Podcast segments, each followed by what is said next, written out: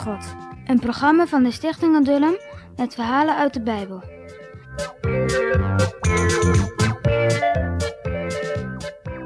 Feest in Abrahams tent. Eindelijk was het dan toch gebeurd. Er was een kindje geboren in Abrahams tent. Sarah was moeder geworden van een jongetje. Het moest Isaac heten. Wat had dat lang geduurd? Heel, heel lang geleden had de Heer het al beloofd. En Sarah dacht nog wel dat het nooit zou gebeuren. Maar nu had de Heer toch zijn belofte vervuld. De Heere doet immers altijd wat hij belooft. Sarah keek eens naar Abraham. Ze zag wel hoe blij hij was met zijn zoon. De oude knecht Eliezer kwam ook om het kindje te zien. En al de andere knechten en dienstmeisjes kwamen met hem mee.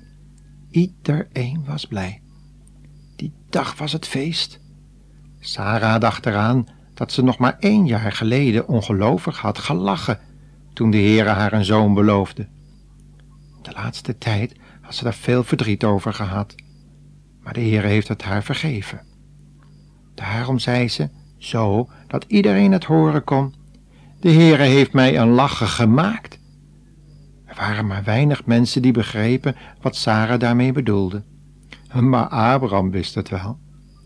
Sarah bedoelde dat ze nu gelovig en dankbaar mocht lachen, omdat de Heere haar echt een zoon gegeven had.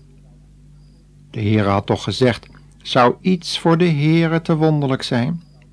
Nu kon iedereen het zien.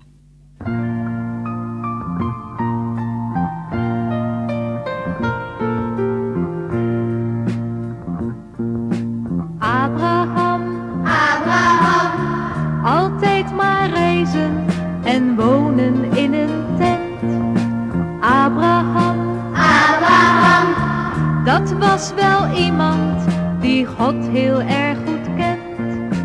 Abraham, Abraham, liet alles achter en trok naar het beloofde land.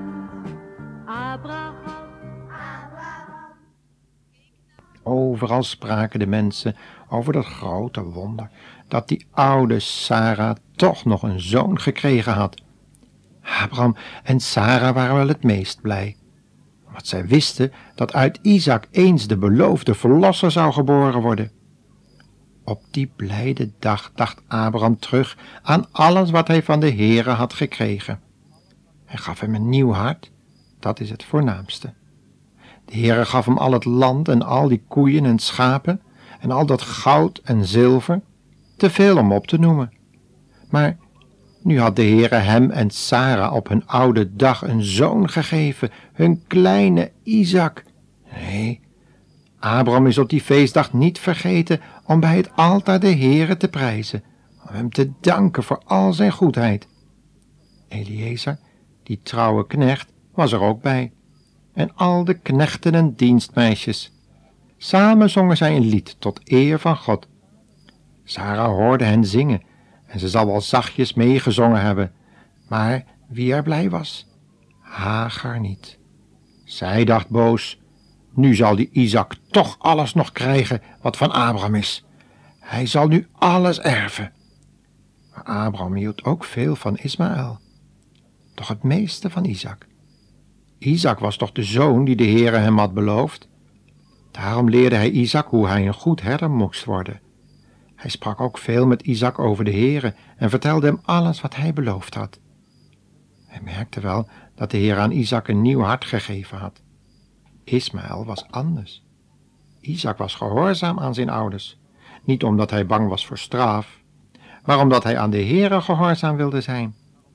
Wat hielden zijn ouders veel van hem? En altijd wanneer ze naar Isaac keken, werden zij herinnerd aan de trouw van God. Abraham, Abraham, niet zien en toch geloven, dat was zijn geheim. Abraham, Abraham, dat moet vandaag. En dan nu de quizvraag, hè? Wat betekent het om een nieuw hart te krijgen? Dus nog een keer, wat betekent het om een nieuw hart te krijgen?